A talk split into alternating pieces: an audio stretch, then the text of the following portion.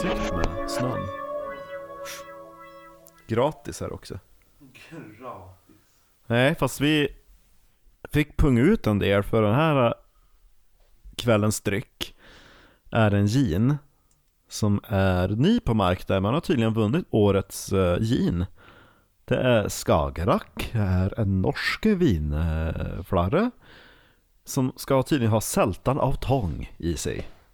Så du skulle ha sältan av Tommy? Ja, Tommy tycker om mig. Ja. Nej men uh, sältan av tång. Tång! Ja, Tång twister. ja, ska jag hälla upp och så får du hålla låda. Okej. Så, då ska vi ta och smaka på den naken. Nude. Som Tommy. Vad tycker du om doften? Ja men det luktar gött. Det är mycket enbärs. Luktar lovande. Ja, det är väldigt eh, framträdande enbärs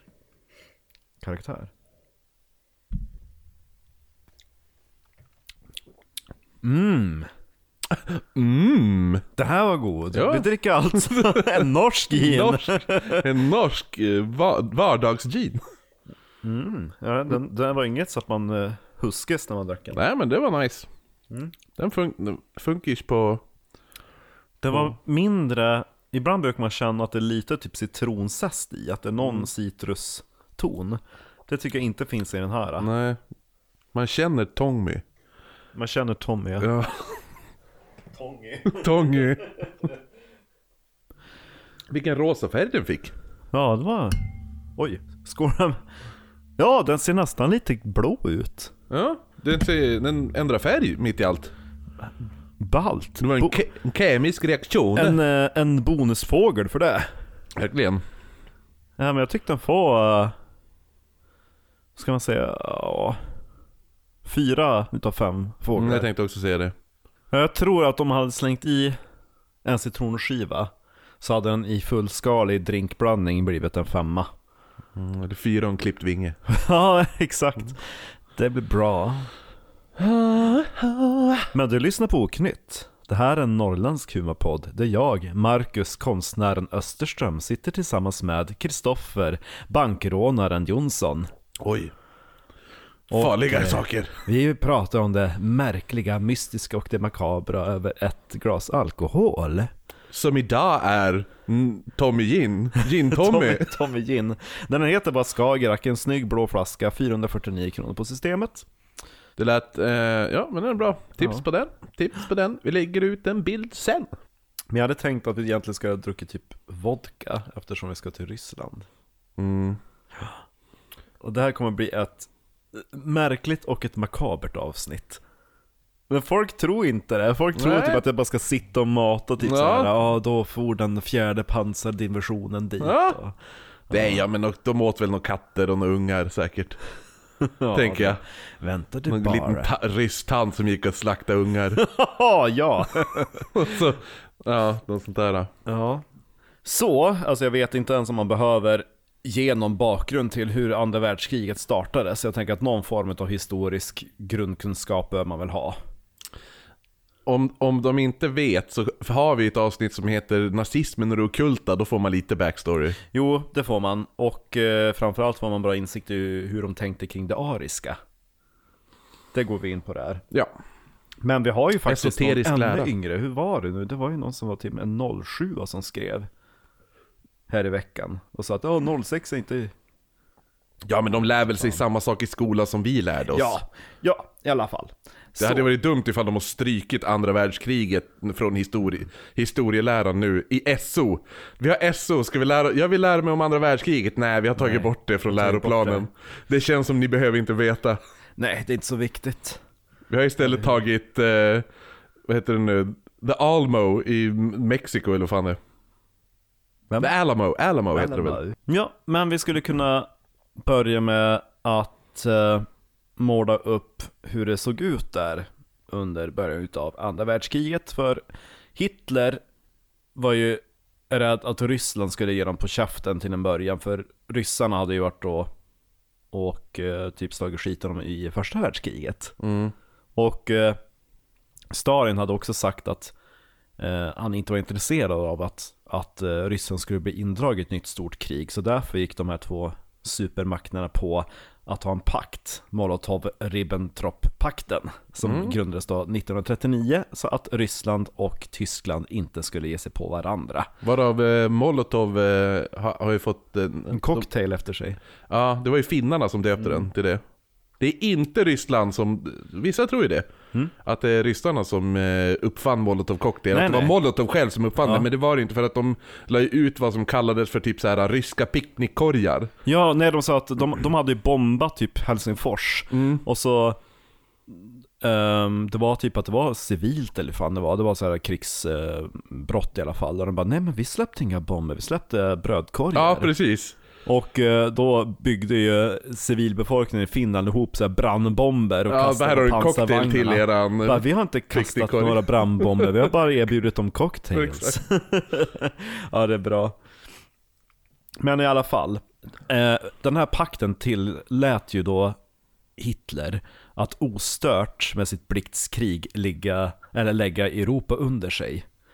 Efter att Polen, Frankrike, Belgien, Holland, Norge och Danmark hade fallit så var han nu redo att ta sig an ryssen. För han tänkte inte alls låta den här alliansen bestå, för han hatade ju Ryssland med kommunismen och fascismen som han hade redan skrivit om i Mein Kampf. Det var ju ett av Tysklands största fiender. Och här är mina åsikter om ryssarna. Ja, kapitel 13.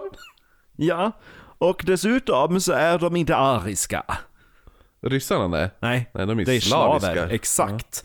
Så så kan vi inte ha namnet det. också. Ja, men de, de heter slaver för att man hämtade sina slaver ifrån slaverna. Mm. Så det är ganska hemskt.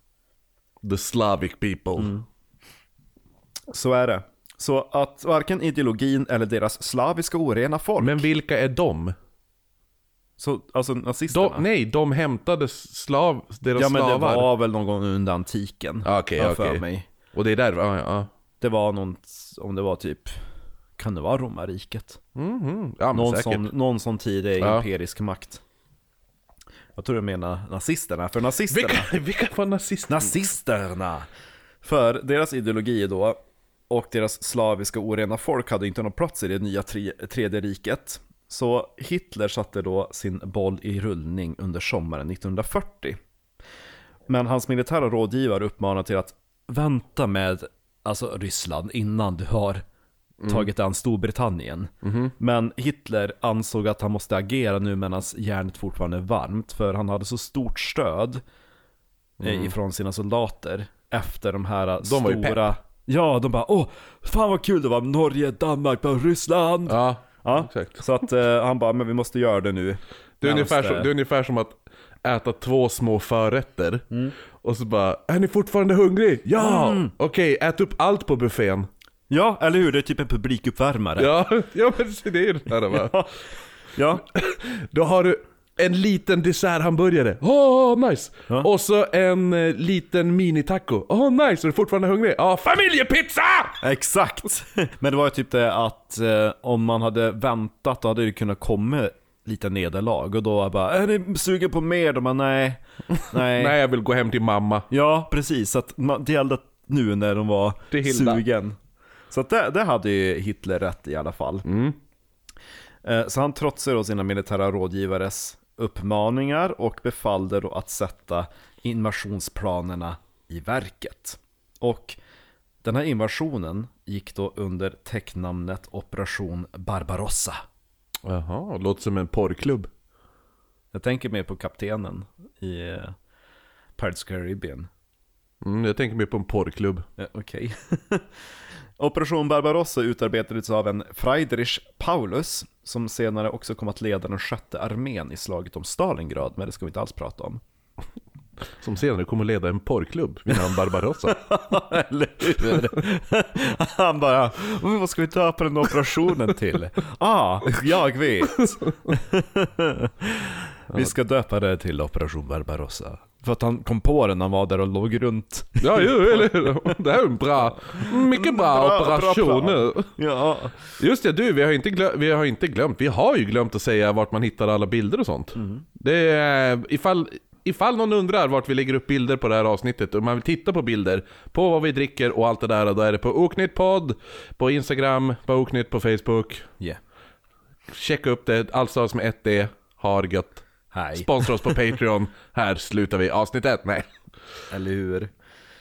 I alla fall, eh, Operation Barbarossa, man hade först planer på att sjösätta det den 15 maj 1941, men då tvingades rys- äh, tyskarna att invadera Jugoslavien och Grekland istället för att bistå Mussolini, för de var ju också i axelmakten och behövde lite hjälp där nere då kring Medelhavet.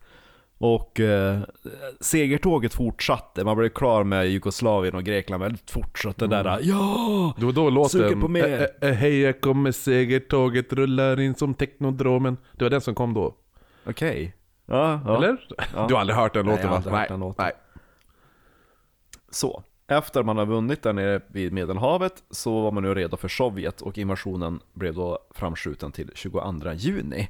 Och det dumma var att det var att Stalin hade fått alltså varningar från Churchill att du, eh, våra spioner och män i Polen rapporterar om att det är en massa tyskar som håller på att mobilisera sig mot eran gräns. Mm.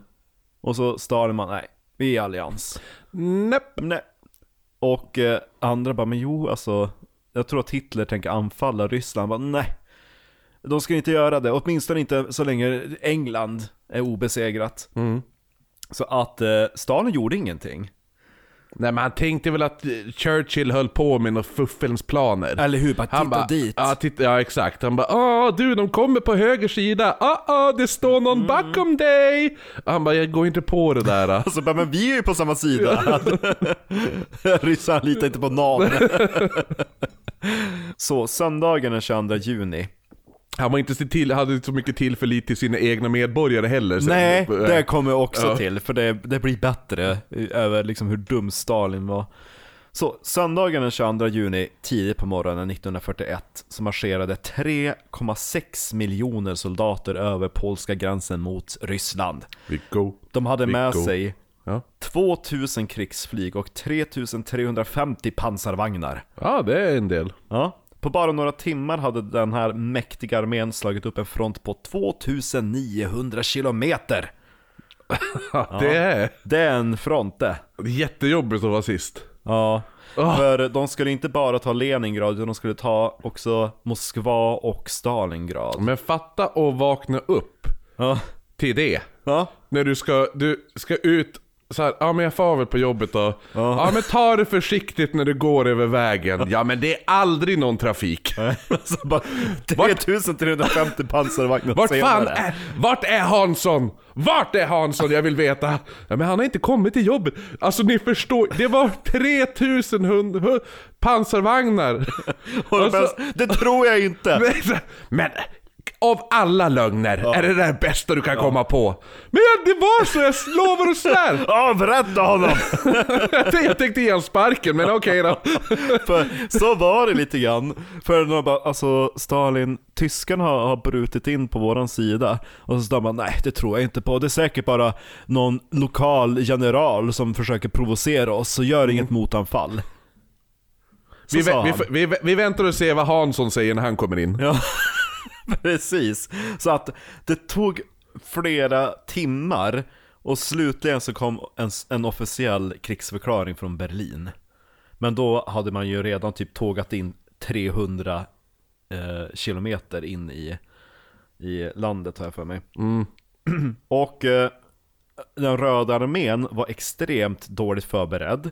För också innan så hade tyskarna saboterat den ryska kommunikationen. Och under det första dygnet hade man förstört 1200 ryska flygplan. Och under de följande nio dagarna så dödade man och tillfångatog 400 000 soldater ur Röda armén. Ja men var det inte... Ja. Nu, nu kanske jag har fel med det här. Men typ när... Alltså när ryssarna, alltså när soldaterna skulle typ... Alltså, ja men nu måste ni försvara. Ja, Då var det typ... Eh, ja, var femte... Var femte soldat... Eller va- varje soldat får fem patroner. Ja. Var femte soldat får ett gevär. ja. Ser du en död soldat med gevär, plocka upp det. För du... Jag tror att det var så i Stalingrad. Ja, det var Stalingrad. Ja, för precis. den filmen, Enemy Gates. Ja, ja, med Jude de Law. Ja, exakt. Ja, precis. Så jag fick bara ammunition, ja men ta ett gevär Ja, när någon precis. har dött. Det, det, det, det är en riktigt jävla bra film Ja, faktiskt. ja, precis. Så att eh, det är den tidsbiten vi är i, nu i. I Stalingrad då fick alla ett gevär men inga patroner. Nej, Leningrad menar Ja, jag. precis, ungefär. Och eh, eh, man uppskattar att drygt 40 000 soldater ur Röda armén föll varje dag. Antingen då att de blev dödade eller blev tillfångatagna. Så Stalin var helt lamslagen och Det- illa förberedd. Och han vågar inte ens berätta för civilbefolkningen att Tyskland hade invaderat. Så att han Hans, eller vad heter han? Ja, Hansson. Ja, Ja. det tog ju lång tid innan, innan han fick verifiera sin historia. Nej, precis.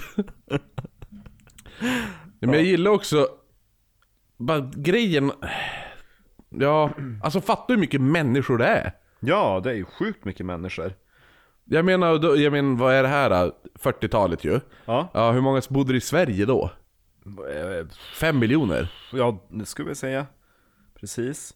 Eh, och anledningen till att det var så dåligt ställt, det var ju att när Stalin kom till makten där, typ 39, då hade han ju en enorm utrensning. Han var ju så jäkla paranoid, så han dödade ju typ, eh, alltså hur mycket folk som helst. Men det känns som en bra egenskap för en diktator. Ja, Och bara vara smått paranoid. det hades... That's eh, how you do it. Det kallades för den stora utrensningen 1939. Och det var ju dels eh, politiker men också inom militärer som han rensar ut. Efter 39 så hade tre av fem marskalkar ur Sovjetunionen, alltså det var ju befälhavaren för Sovjetunionens militärdistrikt, de hade eh, blivit dödade. 13 av 15 armébefälhavare, 50 av 57 kårchefer, 154 av 186 dimensionschefer och 8 av 9 amiraler hade avrättats. Så att, Unge, unge, det är ungefär samma sak som när en tjej på en söndag, söndag eftermiddag börjar ta bort alla hon har swipat eh, Ja. på Tinder. ja, Mm. Den, sto, den stora utrensningen sker varje söndag. Ja, exakt. Och vad hette han som eh, tog över efter Stalin? Inte Molokov, det är Nej, det är Melkov. Nikita... Visst? Är inte Melkov, det är ju inte MD också. Men heter han inte Nikita Gurtjov eller nåt där? Han sa i alla fall i sin biografi att utan tvekan om Stalin inte hade avrättat de här personerna så hade vi haft ett betydligt bättre utgångsläge till att stå emot eh, den tyska invasionen. Men inte, Nik, han, Nikita Khrushchev, heter han inte det? Som tog över efter Stalin. Var det, var, jag tänkte att det var han som gjorde det, Nej, men jag kanske att det var en, en, en Melkov eller någonting. Ja men det kanske var Melkov, men var det inte han, vem var det som var, de avrättade som skulle ta över då? Efterträdare, Georgij Malenkov. När fan, eh, men när tog... Men han eh, var, han var aktiv som ledare 53 till 55 så att det kanske var någon efterhand då som, som de direkt avrättade. Ja, vänta nu ska vi se så här. då. Nu har, jag- här, nu har jag Khrushchev här. Ja, Bara tvärt. Eh, premiärminister 58 till 64. Mm. Okej. då tog han över efter Melenkov. Ja, precis. Men Melenkov sa då som sagt att hade inte Stalin dödat alla de här eh, erfarna ja, generalerna så hade vi kunnat stå emot den här tyska anfallen betydligt bättre. Har du sett filmen Death of Stalin? Nej. Alltså det, den är ju extremt jävla bra. Det är bland de roligaste filmer jag sett. Jaha. Mycket bra komedi. Gud vad roligt. Ja. Som sagt, eh, Stalin, han eh, eh, kände väl lite på sig också att han hade fuckat upp. För han typ flydde ifrån, eh, jag tror att han hörde till i eh, Moskva, ut i sin sommarstuga. Och typ vägrade liksom göra något framträdande. Den 28 juni sa han till slut, därifrån sin sommarstuga, citat! På engelska. Det här avsnittet kommer att bli mycket, mycket dåliga ryska dialekter. Okej. Du vet hur min ryska är. Ja, jo, det är hela Transsibiriska järnvägen. Ja, på en mening. Ja. Ja. Lenin has left us a great legacy. But we, heirs, have fucked it up. Vad sa du?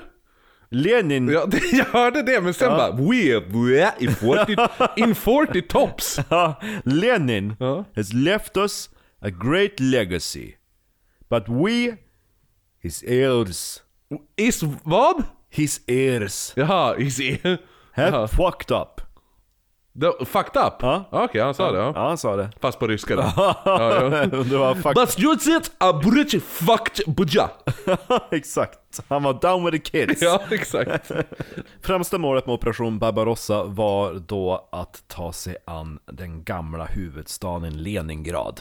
Som historiskt var och nu är kallat Sankt Petersburg. Och för att håna staden så refererade Hitler alltid till Leningrad som för just Sankt Petersburg. Och för att ge lite backstory, Men vad vad är Stalingrad nu? eh, heter inte det fortfarande Stalingrad? Gör det det? Ja, det kan... Va? Gud vad hemskt. Tror det. Ja, start. Det är som att ha Hitlertown. Ja! eh, Sankt Petersburg, eller Leningrad då, var ju liksom födelseplatsen för kommunismen.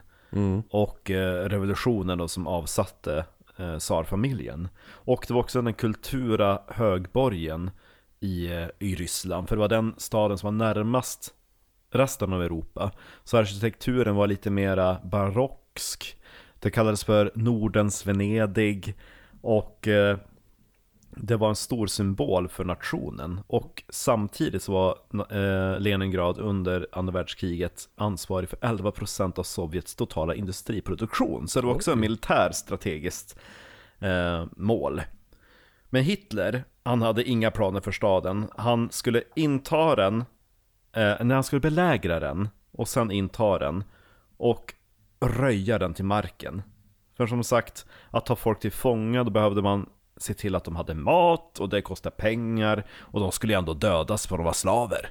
Ja, ja. ja. Så att eh, han tänkte att ja, men vi, vi belägrar staden, svälter ut dem, jag går in, har en, en fest, marscherar lite grann, river alltihop och så bygger. Ensam. Ja, Jag har en fest, jag marscherar, marscherar ensam lite grann. Folk får applådera. Ja, exakt. Sen så tänkte han att den stad som skulle byggas upp skulle kallas för Adolfsburg. Åh gud vad hemskt. Ja, Ja. eller hur? Fast samtidigt, jag förstår ändå hans storhetsvansinne på något sätt. Jag hade, hade jag erövrat ett, ett land, hade jag ju lätt döpt något. Då hade jag såhär, Johnsonburg. jag menar såhär, Kronsonburg. Ja, just det. Ja. Ja. Kronson. Kr- Kronsongrad. Kronsongrad. Kronsongrad. Ja. Ja. Och nazisterna drog... Du hade ju döpt varenda grej till någonting. Ja. Tror jag. Du bara det här är Marktown och det här är, allting är brittiskt. Och så bara East Creek. Eastbrook. ja, Eastbrook. Ja, Eastbrook. Oh, this is Eastbrook in Marktown. Markton. ja, ja, det hade ju varit så. Det hade ju varit så. Eller Markbra. Ja,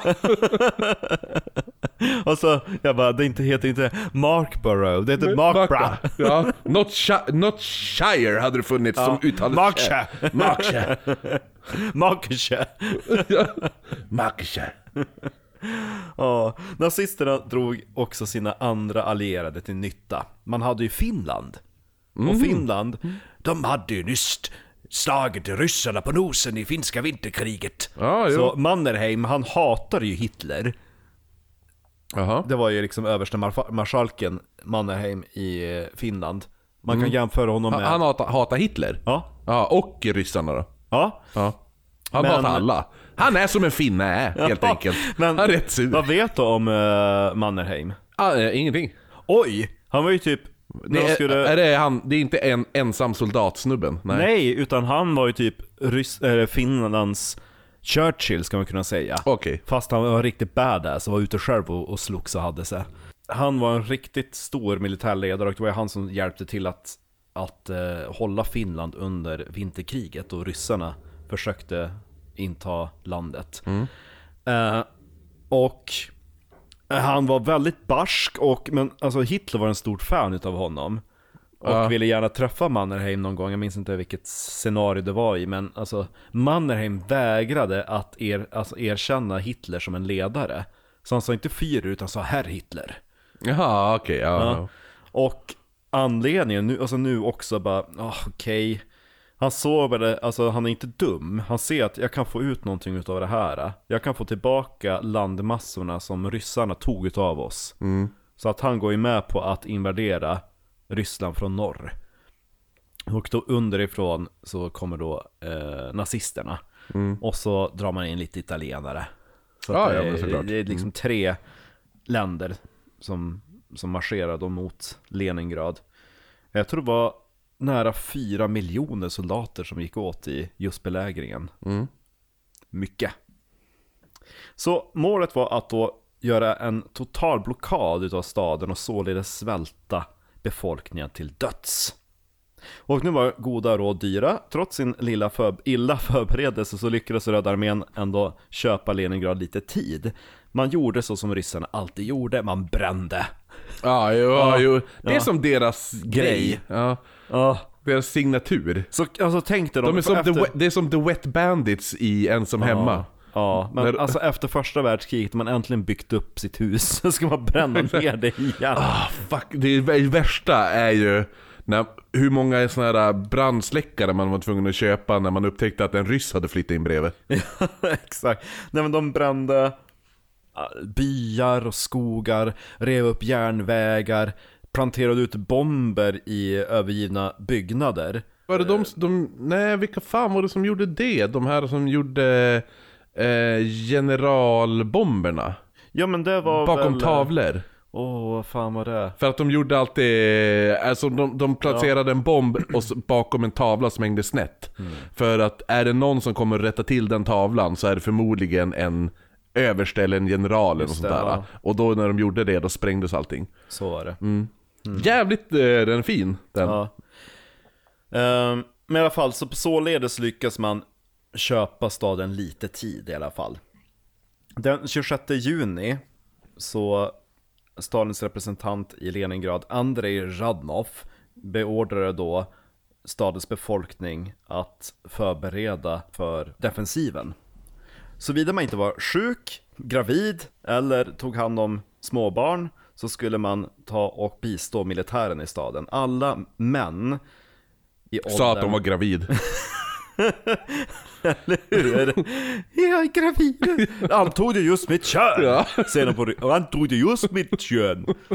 Så alla män i åldern mellan 16 till 50 och kvinnor mellan, Det är 50, det var fan snålt. ja eller hur? 55 är ju ganska hurtig, tänker Ja, jag. men vadå, man pensioneras ju fan, fan när man är 65 eller senare idag. Ja men de, var, de hade haft många krig i ryggen, de var väl ganska nötta tänker Ja, jag. exakt, alla över 50 hade ett ben bortsprängt. De var- kunde inte göra så mycket nytta. Nej. Två fick köra bandvagn samtidigt. Ja. Du bara gasar, jag bromsar, okej! Hur många ryssar krävs det till att köra pansarvagn? Beror på om de är 50 eller yngre. I kvinnornas fall så var det mellan 16 till 45. Och de skulle jobba i sju dagar i sträck, följt av fyra dagars vila. Ja men det var ändå nice. Ja, eller hur? Och de... eh, Jag hade lätt tagit den. Ja, Jag har ju fan sämre arbetspass. vet vad de ska göra under de där fyra ledarna dagarna? Nej. Gå tillbaka till sina vanliga jobb. Jaha, okej, okej, men då... Ja. Ja. Så i augusti när man började närma sig invasionen och ryssarna var, eller tyskarna var på väg, då utökades det här åldersspannet. Upp till 55 för män och 50 för kvinnor.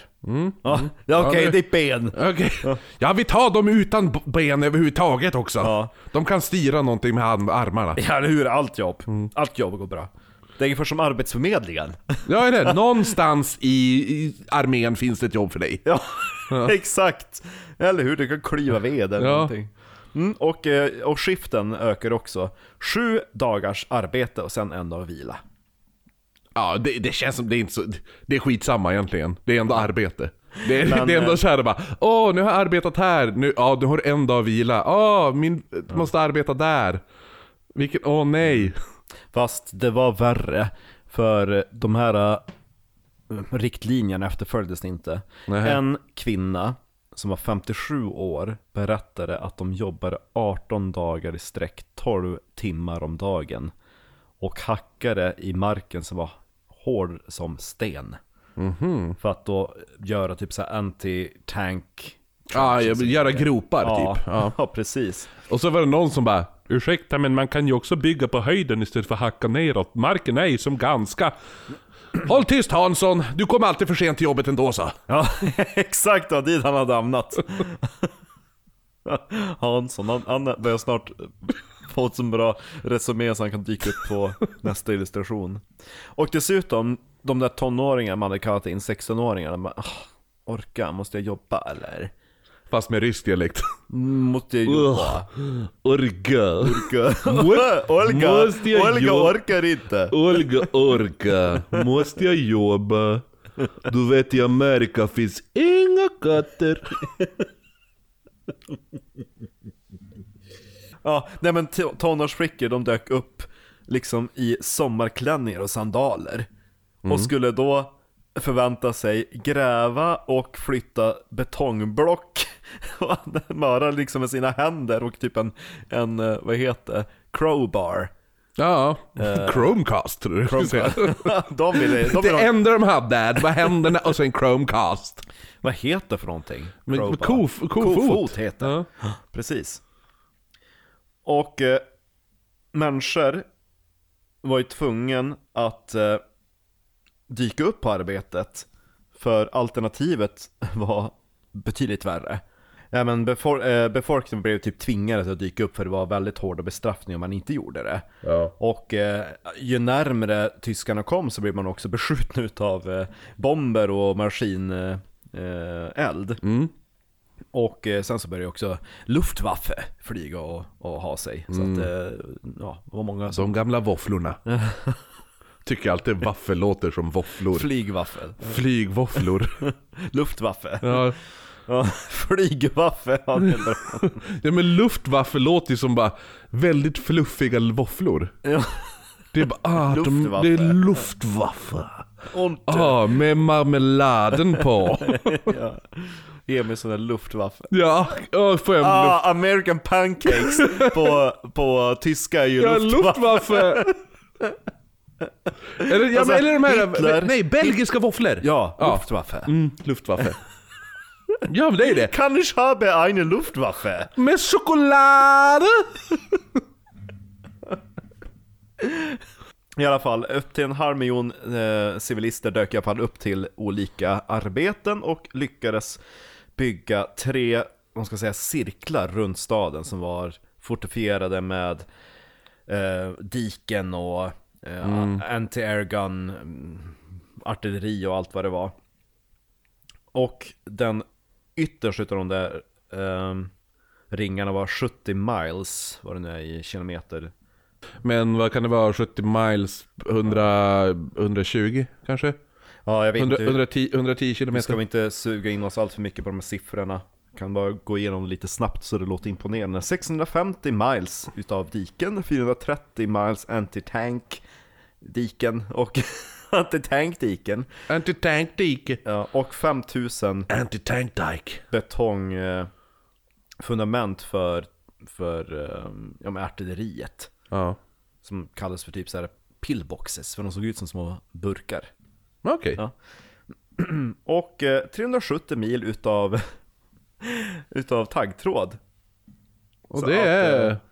Det är, det gillar är en jävla... Stefan Jonsson. Va? Stefan Jonsson gillar det. Ja, jo. Taggtråd. Ja, han har hälften hemma. På väggen. och det värsta av allt var att de bara, befolkningen bara, ah, jo det här har varit jättekul. Men tyskar kommer bara köra över alltihopa. Och Det gjorde de också. typ. Det var inte... Det var därför de här jävla 16-åriga tjejerna har gjort allting halvhjärtat. Ja! Ja, hade det inte varit för dem. På vägen till Leningrad så gick ju eh, tyska armén genom typ eh, estländerna, Estland, Lettland, Litauen. Och det bara föll som ett korthus. Så Ja, att, ja. eh, de var ju liksom eh, på väldigt stor frammarsch. Ehm, Jag har varit i Estland. Och det känns som att när, man är där så bara, ja nej, de hade väl inte så mycket att säga till med. Det var, det var en gamla stan, medeltida stad. ja, Och så sen, sen bara, sen var det inte så mycket mer. Alla bara, kom! Turism! Så här levde man förr i tiden. Och så kommer 300 000 tyska pansarvagnar. Aha, nej men eh, ni behöver, okej, ja, ja. pff. Och sen försvann hela staden. ja, typ. Det är, det är ungefär det som kommer hända här också. Stalin hade i alla fall talat till befolkningen den 3 juli och typ krävt att alla eh, ur civilbefolkningen skulle stå upp och försvara varje tum utav eh, rysk mark. Mm. Han var där och mätte. Ja. och, och folkets frivilliga, det var typ så här civilarmén, eh, man ska säga, inom Leningrad formades. Och igen så var det inte så mycket frivilligt involverat där. Nähä. Utan vilken orsak man än hade så blev man indragen. Liksom de kom och knackade på. De bara, ja, och- och så är det typ så här Ragnar 87 som öppnar. I am Paris Ekle. Och då säger de där ryskarna Your state of health is of no significance. What is important is the very act of volunteering and thereby displaying one's political attitude. Also you have very Scandinavian name, but a very British accent. Ja. Och en annan som försökte säga, ja men nej, nej. De, de kommer runt och bara, hej, hej, eh, skulle ni vilja signa upp på frivilliga armékåren? Nej tack, det, det är bra. Jag har så mycket annat att, att göra om kvällarna. Efter jag har varit ute och brutit betong. Ja, exakt. ja, nej, Jag måste koka mina kläder så jag får dricka soppa. hur? Saltet där i. Ja. ja mums. Den heter mumsbuljong. Nej men då, fick han, då blev han tillsagd You are a Soviet man You cannot refuse to volunteer I advise you not to refuse Oh, jo, ja, ja.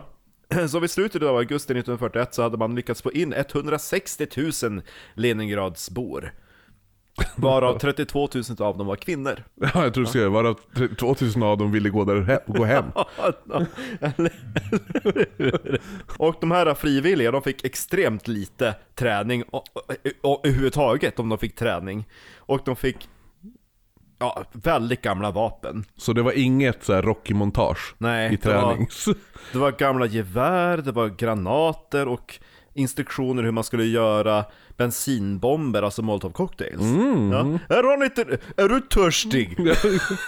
Det värsta var att så här, 30% bara cocktail. oj, oj, oj. Men återigen, alltså alla bara, men vad är det för grej? Alltså min Röda armén faller som korthus.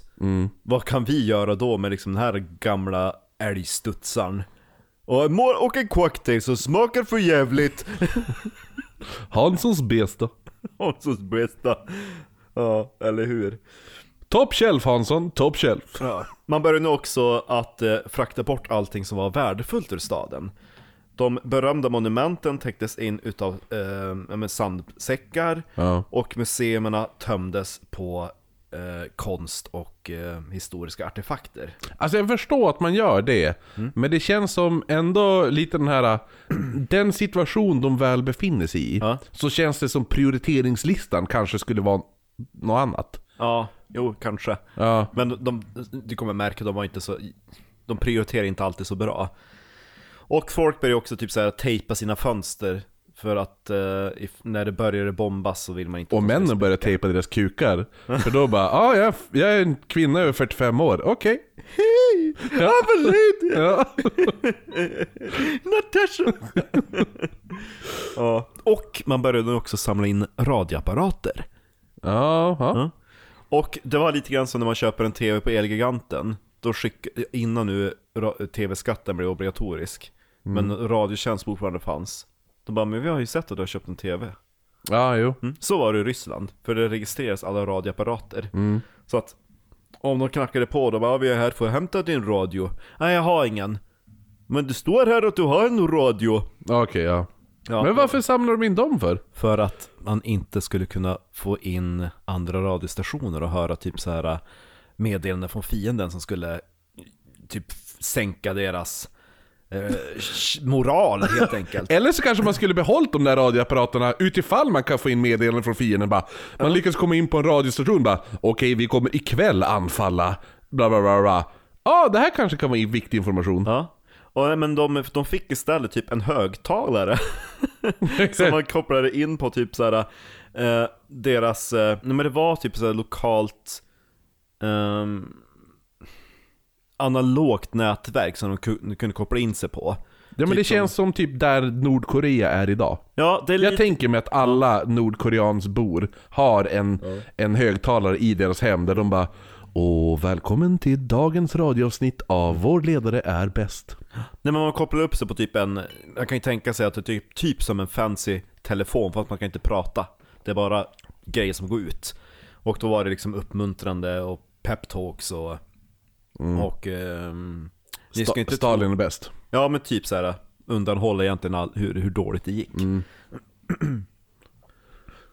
Så att eh, man började också sätta upp eh, flygblad och affischer och, eh, och försöka eh, liksom stärka moralen i staden inför den här belägringen. Och det roligaste av allt var att typ Stalin, han gillade inte ens Leningrad. Han bara, "Åh, måste vi försvara den här staden? Ja, jag antar det. För han, han gillade inte liksom historisk historia, det med att det hade varit Sankt Petersburg. Ja, precis. Så han tyckte, ja men okej, Hitler kan väl ta den. Nej. nej. Ja, ja men han, Han han, den är, det är väl en strategiskt bra stad att ha, kan jag tänka mig. Eller hur, så han insåg ju det också, men egentligen så, ja. Han såg ju mer vikt av att hålla Moskva och Stalingrad, tyckte Men han. det är väl klart.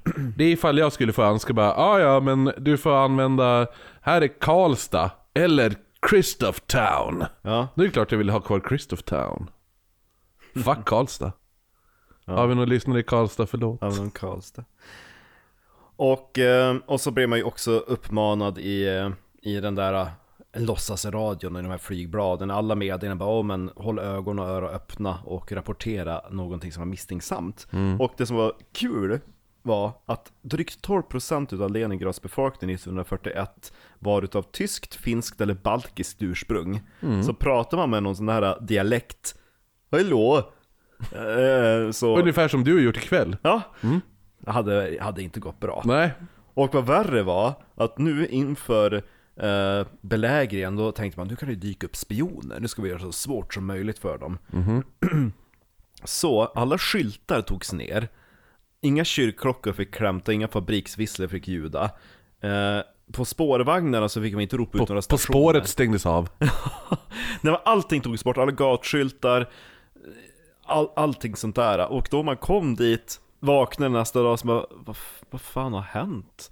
Och så frågade man, ursäkta jag ska till Röda torget. Vars är det? De bara, "Ah, vet du inte vars det är?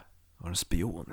Ah, ja, Ja, man bara, men nej alltså jag har inte varit i den här delen av stan förut och det finns inga skyltar. Och eh, kartor och guideböcker togs också bort från bibliotek och eh, eh, bokhandlare. Ja, utifall tyskarna skulle gå och låna en bok. Eller precis, how to speak Russian. Exakt. ja. ja. Vi skickar våra främsta, främsta person på det här. Vem? Marcus Österström. Han ska till Kungliga biblioteket. ja, exakt. Sariska biblioteket. Ja. Och titta kartor och Tyvärr, alla kartor är beslagtagna. turistböcker. Och eh, från den 18 juli så börjar man också inf- eh, eh, köra igång med eh, ransoneringen.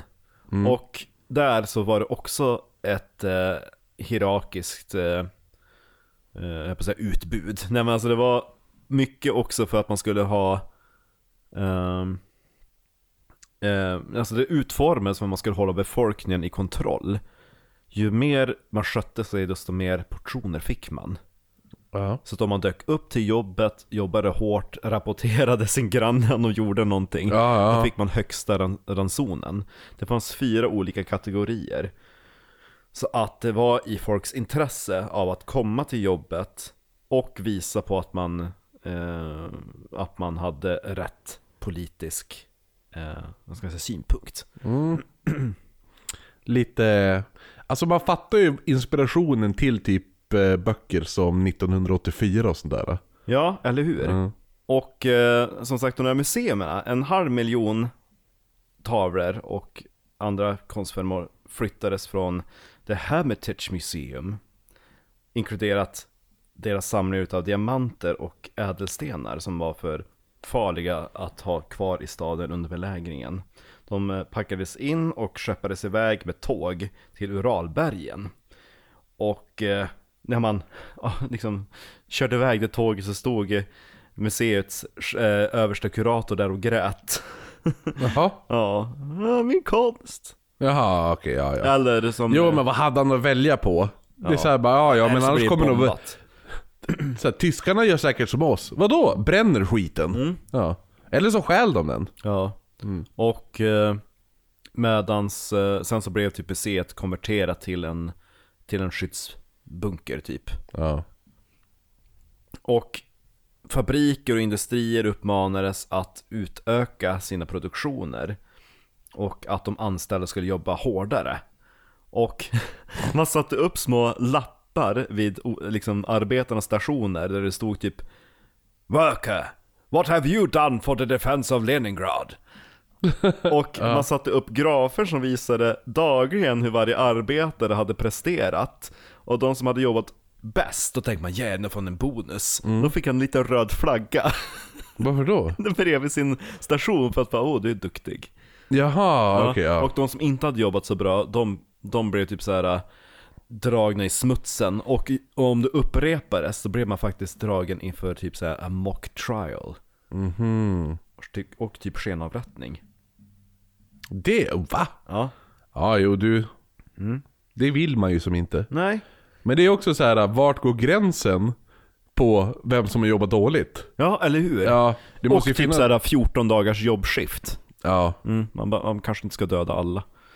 Nej men det är inte, de, de skenavrättar ju, det är inte avrättning. Nej, men det var, ja, de insåg att de behövde lite folk. Sen så var det så att de flyttade många fabriker eh, utanför staden också för att försöka liksom få dem utanför skottlinjen. Mm. Men, eh, ja, Jag hade nog legat på en... Där skulle jag försöka ligga att inte få någon sorts flagg. ja, Varken en bra eller dålig, för det känns som de som får en bra flagg, de, de får ju kompanismisk sen. Mm. De, blir ju, de får ju tvål, tvål i sockan. ja. Eh, Men sen också innan, innan tyskarna helt eh, stod för dörren så behövde man också evakuera barnen. Tänkte man. För staden var lite grann så här, ja det är inte bra för moralen om vi börjar flytta iväg befolkningen. Men, ja men barnen kanske vi ska Men att skenavrätta dem. Men det är inte barnen, det är ju de som jobbar i fabrikerna. Så man börjar evakuera barnen den 29 juni. Eh, 15 000 barn skulle iväg den första dagen och det var en process som var kaotisk och väldigt illa förberedd. Och man lät först mödrar som inte arbetade med typ essentiella uppgifter att få följa med sina barn. Men fortfarande så Usch, nu blev börjar jag bara familj... tänka på Sophie's Choice. Jaha, okej. Du har sett den va? Nej. Har du inte sett Sophie's Choice? Men i alla fall så, till en början så blev det ändå uppsplittrat att man skickade barnen på an- vissa tåg och mödrarna på andra tåg. Och för att göra saken värre, det första tåget som avgick med barnen åkte iväg västerut i, i tyskarnas riktning åt fel håll. Ja. Ja, och när de insåg det misstaget och kallade tillbaka tåget och hade andra tåget med mödrarna åkt iväg åt det andra hållet. Jaha, ja jo. Det är väl det som tyskarna var bättre på, det här med tåg. Ja. Och, och, och planera. Mm, där visste man vart tågen gick. Ja, precis. Men eh, till slut då så sa de, nej, nej, nu, nu är det för mycket kvinnor som har stuckit. Och tåg. Ja. Ja. Vi kan behöva dem fortfarande till, eh, eh, till stadens försvar och arbete. Men barnen kan ju få sticka. Men mödrarna blev ju då desperata och grät och bönade att de skulle få följa med sig sina barn. Eller att de barnen skulle få stanna. Men eh, till slut då så var det ändå bestämt att alla barn som var under 14 skulle evakueras. Och, Jaha. eh, efter- Ändå under 14. Under jag trodde 14 ändå att de skulle vilja hålla dem typ 12 där. Ja, Ja, jag tänkte också 12. För Ja. Hitler tog ju typ pojkar från 12 och uppåt. Mm, Jugends. Jugends, ja. exakt. Har du sett den filmen, den här som handlar om den här Eh, Jugendskolan där? Nej, men jag tänkte på den där eh, med, som är mimerna ifrån Hitler, det är Untergang. Ja, jo, är ja, men den är bra också. Men eftersom ja, evakueringen var så dåligt planerad så var det ganska hemskt för då hade ju typ mödrarna packat ner mat och, och förnödenheter till sina barn. Men ibland så fick de vänta på järnvägsstationen i upp till Men ibland så hade mamman tagit det själv. Nej, nej, men de fick vänta ibland, inte ens alltså, i fyra dygn på tågstationen På att få lämna stan och då hade de redan ätit upp alltihop Aha, oh, jävlar. Ja Och dessutom så började det gå rykten om att, att tyska plan började bomba tågen. Så att då blev man inte heller så jättepepp på att åka iväg. Och då till en början så var ju för, liksom eh, övermyndigheten bara, "Nej, det är bara, det är bara rykten, det är bara rykten. Men eh, det var inte bara rykten för den 18 augusti utanför staden Lyskov.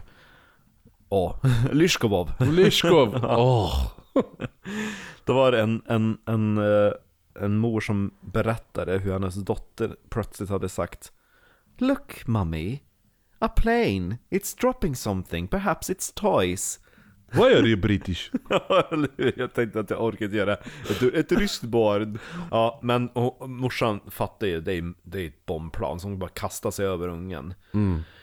Och hon berättade sen också hur, hur Bra sexet va? Nej. att efter röken och hade skingrat så var det bara skrik ifrån döende barn och man såg liksom söndersprängda kroppar ifrån, eh, ja, Människor. Människor helt enkelt. Ja. Det var jättekonstigt om det var rådjur. ja. Så att de var i ett dilemma, bara ska vi stanna, ska vi inte stanna? Så att, eh, ja. Och dessutom så var det ju också den risk att om man stack så kunde man bli eh, stämplad för en, ja men, a defeatist. Ja, aha. Feg kanske man kan säga. så, och samtidigt då, då börjar man också tvivla på att, jag menar, eh, kan Hitler vara värre? Kanske, kanske blir ganska bra när han kommer att ta över.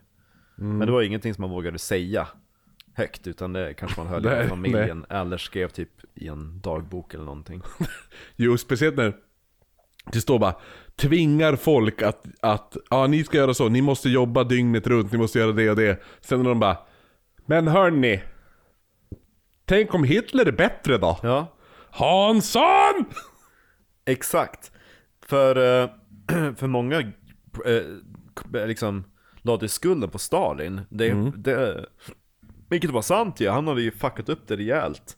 Så att att många var ju irriterade över att han, att han inte klev av posten och lämnade över till någon vettig person. Som Hansson. Som Hansson. Men det var ju som sagt eh, väldigt mycket propaganda och loose talk is a crime against the fatherland. Sa man. Och man sa också Let us be vigilant and ruthless in dealing with cowards, panic mongers and deserters. Och nu tar du det på engelska. Let us establish the strictest revolutionary order. Okej, ja.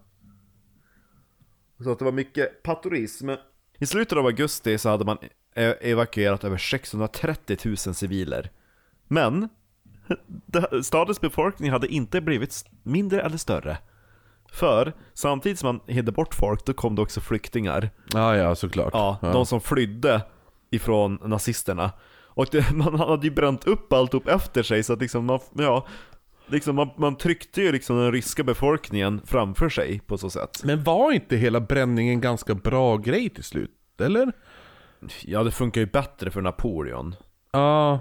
För det var ju lite kul också för att riktigt håna Ryssland så valde ju eh, eh, Hitler att ta en utav eh, Napoleons gamla vägar när han skulle ta inta Ryssland och Sankt Petersburg. Okej, ja nej men jag tänkte just det här att ryssarna gillade att bränna upp allting så att det här att tyskarna inte fick mat och allt det. Ja. Men det kanske var se- sen, det kanske var kring Le- eller Stalingrad eller? Ja, jag vet inte. Men i alla fall, eh, man hade planerat för ännu fler att fly. Men slutligen då den 30 augusti så föll staden Mga. Mga. Magan! Munga. MGA. Munga. Då var omringn, alltså om, eh, vad heter omringna? Ja, Om... Omslutande kanske? Ja, jo, jo. Ja men de, då, då var tyskarna nästan totala i sin omslutning utav Leningrad. Och nu hade man också skurit av tillförseln utav förnödenheter till staden. Men man beräknade att man hade mat för åtminstone tre veckor. Ja, men det är alltid något. Ja, eller hur? Man måste börja någonstans. Var katter inräknat då? Katter var ju... En vecka efter man hade tagit Munga-staden. Så Munga. tog också tyskarna Schisselsburg som var på eh, den västra sidan utav Ladoga-sjön. Och det var en enorm sjö, återigen 20 miles öster om Leningrad. Och Så- sjön skulle komma få en stor roll senare under belägringen. Men under tiden så hade också finnarna avancerat ifrån norr. Och lodde också sjön från ja, norra sidan helt enkelt. Och de hade nu återtagit mycket av den mark som de hade förlorat under finska vinterkriget i november 1939. Ja. Leningrad var nu typ en egen liten ö, helt avskuren från världen runt omkring. Och dess befolkning beseglade i staden. Mm. Nu återstod det bara för Hitler att vänta ut att befolkningen skulle dö. Och eh, man beslöt sig då för att bomba och svälta ut staden. Och eh, den 22 september så gav han också specifika instruktioner att man skulle Citat! Wipe the city of Petersburg from the face of the earth! Precis! Ja, Han är alltid arg. Och Hitlers beslut var ju väldigt taktiskt för att om man skulle inta staden, då skulle det bli som vi pratade om i Stalingrad, att, att man skulle kämpa om gata för gata. Och det skulle bli extremt blodigt. Men han bara, "Ja, det är bättre att bara sitta runt och vänta. Ja, ja. Och trots att det hade varit en stor framgång att marschera upp till Leningrad och ta Baltikum och alltihopa så hade de ändå tappat 180 000 män Ja, det är på sovjetisk mark, så det var Ja. en del. Så att de, han bara, nej, nej jag, kan inte, jag kan inte tappa lite fler. Vilket var ganska sensitive av Hitler, han brukar inte vara den kloka i alla gånger. Så att eh, han beslöt sig då för att man skulle fortifiera sina platser runt om staden och då vänta ut befolkningen. Han gav också order om att man skulle skjuta alla som försökte fly från staden. Barn, kvinnor, vuxna, döda dem om de försökte Ja, ja, men de var ju, för han var ju, alltså, även om det var barn så var det fortfarande slaviska barn. Ja, precis. Så att slaviska barn är, det är inte, det, det, enligt, enligt honom var inte det människor. Ja, men Det hans... var eh, cockroaches. ja, det var ju väldigt lätt för Hitler att säga i Berlin. Men hans officerare som var där utanför Leningrad, de bara, men alltså, vi vet att våra män kan bli ganska gravt mentalt ärrade av att skjuta ihjäl barn. Så att de valde också då att vi håller oss på det. But why? Ja, nej men de bara, vi skjuter med artilleri. Om vi ser någonting som rör sig, då skjuter vi med kanon. För det är så Ah. långt bort så vi kan inte se om det är ett barn. Lite som, eh, lite som i Waco, Ja. om du känner till det. Nej. Eh, men det var en sekt som, eh, det var också en, en liten belägring i Waco, Texas. Det var en sekt där FBI kom och eh, de började typ försöka få ut den här sekten, för den här sekten hade, det, Vi skulle kunna göra ett avsnitt om det, men då började de skicka ut kvinnor och barn. Och FBI, de bara skjuter på allt som rör sig. Så att de bara, direkt de såg någonting, de bara pum, pum, pum, pum, pum, pum. Typ alla i FBI började, och så var det typ, ja men det kunde det vara typ en kvinna och två barn som sprang ut. Så det är en miniversion av det här. Ja, Istället för artilleri då är det FBI och en kulspruta. Och istället för 300 flyktingar som springer då är det en kvinna och två barn. ja. Ja men typ. Mm. Så, den 8 september så slog sig då tyskarna kamp, vad ska säga, runt om Leningrad. De fortifierade sig där och väntade ut Leningrad. Och det skulle komma att bli den lägsta belägringen i modern historia. Den längsta va? Längsta. Ja, jag tyckte du sa lägsta. Nej, längst, längsta. Ja, ja, den kom att ta över 900 dagar. År. Ja, ja. Men, just öst om staden så fanns fortfarande en smal landremsa. Men det var, det var korridor. 15 dagar mat. Var Tre veckor. Tre veckor. Ja, drygt. Ja. Ja, ja. det, blir fanns jobbigt i alla då. fall, Ja, det fanns i alla fall en liten, liten, liten smal korridor. Det fanns en liten, liten affär öster som om hade öppet. staden. en liten Ica. Det fanns litet fika, de hade fortfarande öppet. Ja, Ålidhem. Ja. Och eh, den lilla lammremsan blev som en ett, ett, liten livlina i alla fall för Leningrads befolkning. Men i alla fall, nu ska vi eh, kika in lite grann på de som eh, hade försvaret utav Leningrad. Det är ganska intressanta män. Till en början så hade man till att försvara Leningrad Andrei. Andrei Zndov, Z- Zdanov Ja. och 60-åriga Klement Vorsilov som var en utav Stalins favoriter. Men Vorsilov hade varit kritiserad för hans inkompetenta ledarskap under vinterkriget i Finland. Så han hade blivit avskedad. Men nu så satte man tillbaka honom för att rädda Leningrad. Stalin Kändes ju som en rätt person då. eller hur? Du kunde inte ens besegra finnarna, hur ska du kunna ta dig an nazist-Tyskland? Eh, Stalin var i alla fall medveten om Vorny... Voroshilovs, eh, vad ska jag säga, fläckar på solen. Och, men insåg att under den press som Leningrad befann sig under så skulle hans ändå eh, rykte som en ganska inbiten veteran ändå göra gott. Eller så är det bara så här. ja ah, men vad bra, går det åt helvete då har jag en extremt bra syndabock. Ja, eller hur? Men det var också att han skulle inte ifrågasätta regimen och ledarskapet om han blev återinstallerad. Så Voroshilov, Vart återigen installerad. ja, de flög in honom till Leningrad och bara, men varsågod nu får du ta hand om det här. Starta om staden. Ja, tillsammans med Andrei Zhadnov.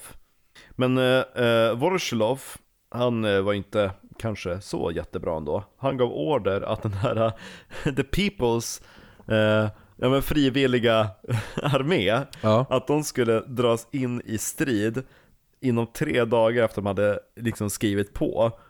Och det var ju typ, det fanns ju ingen ingen, ingen chans att man skulle hinna träna sig på tre dagar.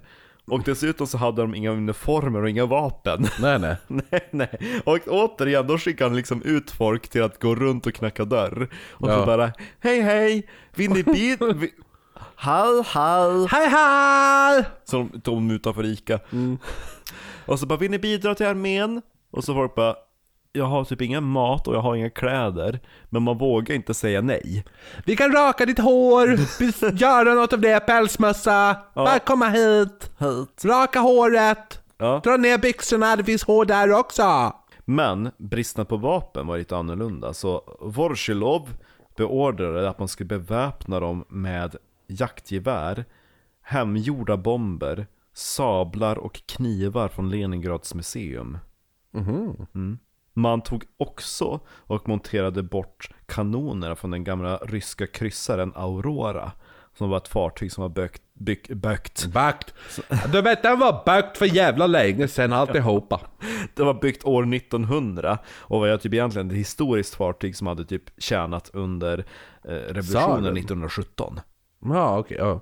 Det var typ ett museumfartyg. Ja. Som egentligen bara typ var nere i hamnen var dekoration. Så då tog de och monterade ner de kanonerna från det fartyget och ställde upp dem på en kulle eh, i Leningrad för att kunna typ beskjuta tyskarna. Hoppas det funkar då. Ja, eller hur? Är det typ som vi skulle ta Vasaskeppet? Ja, jag tänkte det också.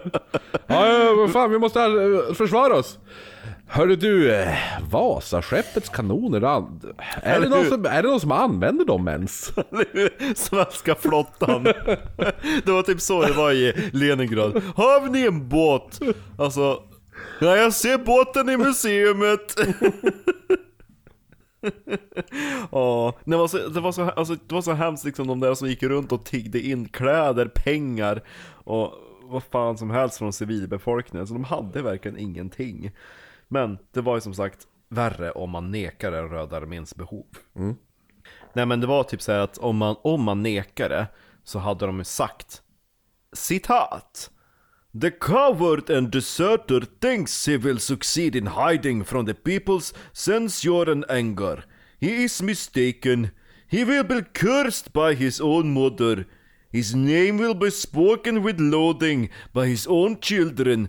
A bullet in the head. That is what such a coward will get. For a dog, a dog's death.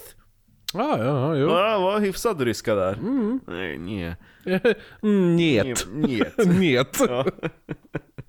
Men i alla fall, en, en liten bra eh, karaktärsdrag med han Volshilov Det var att han gillar att leda by example Så han sprang runt där och viftade med sin revolver Ja. Ja, eller hur? Operation Barbarossa var Ja, det ingen som ja. där och knulla Ja. Men i alla fall eh, och Vorshilov kunde inte göra så mycket. Han, eftersom tyskarna hade typ fortifierat sig runt staden, så alla eh, offensiver kunde de bara lätt mota bort. Ja. Så han lyckas inte göra någonting. Men bäst av allt var att han sa till Hitler någon gång, alltså bara Ja, tyskarna har stannat sin framfart mot Leningrad. Ungefär som att det var han som var ansvarig för att ja men de kommer inte närmre. Men Sa Hitler det? nej, Vorsilov. Jaha, okej. Ja. Ja, ja, ja. Han bara, ja men tyskarna har inte kommit närmare. Nej. nej. Ja, och så står de ja vad bra, fan vad bra. Ja. Och så, det var ju det att tyskarna hade slagit läger. Ja, jo, eller hur? Men det var ungefär som att, ja. Ja, de vågar inte, typ. Alltså att det var det han menade? Ja, nej, men han menar att jag har gjort så bra ifrån mig att tyskarna kommer inte närmare. Jaha, okej. ja. Mm. Men i alla fall, eh, till slut så fick Stalin nog med Vorsilov och eh, beordrade att han skulle flygas in till Stalin och stå till svars för att inte göra så bra ifrån sig. För de hade ju tappat den där Mga-staden och Schisselsburg. Ja. Och vem ska ansvara för de förlorade städerna? Och eh, Vorsilov tänkte nu fan, om jag blir fick sparken för vinterkriget, vad kommer jag nu att få? En kula i pannan. Stalin var i alla fall inte så glad på Vorsilov efter man hade tappat Muga och Schisselsburg. Och Vorsilov hade också inte särskilt bra planering, för man tänker då att, ja okej, nu har vi mat, det ska räcka tre veckor. Eh, Undrar hur vi ska fördela upp de här förnödenheterna. Ska vi ha det i ett enda stort förråd? Ja, det har vi. Jättebra. Bra, då vet vi var det finns. Eh, problemet var att ha det i ett enda stort förråd, det var ju att det var ganska utsatt. Mm. Mm. Och eh, det där eh, förrådet blev ju bombat utav en brandbomb. Jaha. En tysk brandbomb. 8 september så gick den upp i rök. 3000 ton utav mjöl brann upp. satan. Tusentals ton utav vete gick upp i rök. Bra bomb för tyskarnas sida i alla fall. Verkligen! Ja. Superbra! Köttet stektes och förkolnades, smör smälte, socker Men rann. gud vad gott det luktade! Ja, eller hur? Ett vittne sa att den natten så rann det smält choklad ut över gatorna. Då låg man ju där och slickade. Eller hur? Ja, ja. När folk Befolkningen svälter. Ja, Ja, folk var kommer ju det flytande förbannade. choklad. Ja, folk var ju förbannade liksom. Alltså, hur fan tänkte du när du la typ allting, alla ägg i en korg? Ja, ja. Mm, det var jävligt smart. Tillsammans med allt kött. Mm. Ja. Usch. Nej men de sa det liksom att den natten så var luften tjock utav stanken av bränt socker. Ja, jo det var det jag tänkte också. Ja. Det, det tar ju över. Åh fan. Och det var Molasses. Ja. Så det var droppen för Stalin. Det var då han drog tillbaka Vorsilov och satte in en annan general. Georgij Zjukov, som var typ en Ja, tjurnackad. jo men det vet vi ju där. Jug- Jugov. Toff. Ja. Ja, han var en tuff eh, ehm, eh, Ryss. commander. Vad heter anförare kanske det heter på svenska. Som skulle Kapten. Då, kapten, ja. Som skulle rädda situationen. Han flögs in till Leningrad Mm. från Moskva under en mörk, molnig natt. Men när molnen och natten skingrades så, så dök det två Messerschmitt upp och Ah, förföljde hans plan. Eine Messerschmitt! Ja, träplanen från Tyskland. Ja. I alla fall, eh, Vorsilov flög så till Moskva för att möta Stalin och han var ju väldigt rädd för, man visste typ att medans Hitler gav sina generaler sparken, så gav Stalin Kula i sina generaler, facet, ja. ja. exakt, en kula i pannan. Ja. Men, Vorsilov, han, han fick typ en ny post, typ långt bak i ledet där han inte kunde göra någon skada. Och det var typ så här Say by the bell typ. Det var inte alls vad man hade räknat med. Men han Zhukov, nära tjurnacken, han hade extremt mycket att ta hand om. Och han skred genast till verket. Hans första uppgift var att försöka häva den skada som Vorsilov hade gjort. Så han upphävde många av hans gamla ordrar. Ja. Han re, eh, åter... Eh, nej, vad heter han? Eh, Reinstated. Han, han omorganiserade försvaret av staden och såg till att man bättre kunde använda de få resurserna man hade. Och, eh, hade, och införde en ännu striktare disciplin. Så att man behövde det. Ja, ja. Ni slappa. Ja, men han, han hade också gjort typ så här, försökt göra motattacker mot tyskarna men ja, det hände inte så mycket. Som sagt, tyskarna var ju redan så väl fortifierade runt staden så att de kunde lätt mota bort dem. Men sen så, han Sjukov, alltså han gjorde ju sjukt mycket nytta. Det var ju bättre än, än han Vorsilov. Men efter att, att eh, Stalin tyckte, ja men nu har du gjort tillräckligt. Ja. Så blev han tillbakadragen från Leningrad och flyttade tillbaka till Moskva för att leda det här försvaret. För att leva väldigt tillbakadraget liv. Och då, liksom, ja men nu är det en tjänst ledig. Uh, är det någon som vill leda försvaret av Leningrad? Och så får man nej tack, nej, nej, nej. Och, och det här fallet, de vanligtvis så kan man ju inte säga nej. Men de här, de, den här gången kunde de säga, ja men jag, jag saknar, alltså jag, du vet, jag, jag har ju ingen erfarenhet, jag kan ju inte det här. Jag skulle, jag, jag skulle bara köra staden i, i fördärvet. Så att där kunde man i alla fall säga, typ, typ säga nej. Slutligen så gick i alla fall jobbet till Ivan Fydynins. Ja, han ja. Jo, men jag vet ju exakt ja, vem det. Ja, Han, I, va, Ivan... Fydynins. Jo, han ja. Ja, precis. Han bra längdskidåkare va? Ja, precis. Men i alla fall, eh, det är mysigt att sitta och svälta, men det blir mysigare om folk bombar också. Ryskt citat. Ja, precis. Det är mysigt när man svälter, men fatta om det bombar. Ja, när 4 september då började de tyska arméerna runt staden att, att gå lös. Först så besköt man med kanoner men sen också med bomber. Och tyskarna, de hade detaljerade kartor över Leningrad så de visste exakt vars de militära baserna fanns. vars för Det var en person fanns. som hade lyckats smyga sig in på tsarens bibliotek Ja, och hitta kartorna. Hans! Ja, Has Hansson! Hansson! Hansson har bytt sida! De, de, det, det värsta förlusten var ju då den 8 september när man förstörde det stora förrådet. Och allt socker brann upp. Ja, jo. Sockerdagen. Ja. Men någonting som, var, som irriterade Leningrads civilbefolkning, det, det var att Smolny Institute, som var basen för stadens ledare och de eh, som hade administratörstjänster, den byggnaden klarade sig oskadd genom hela belägringen. Och var full med socker. Trots att byggnaderna runt omkring liksom rasade Ja. och blev träffad utav tyskt artilleri. Mm, så nu vart det konspirationsteorier. Ja.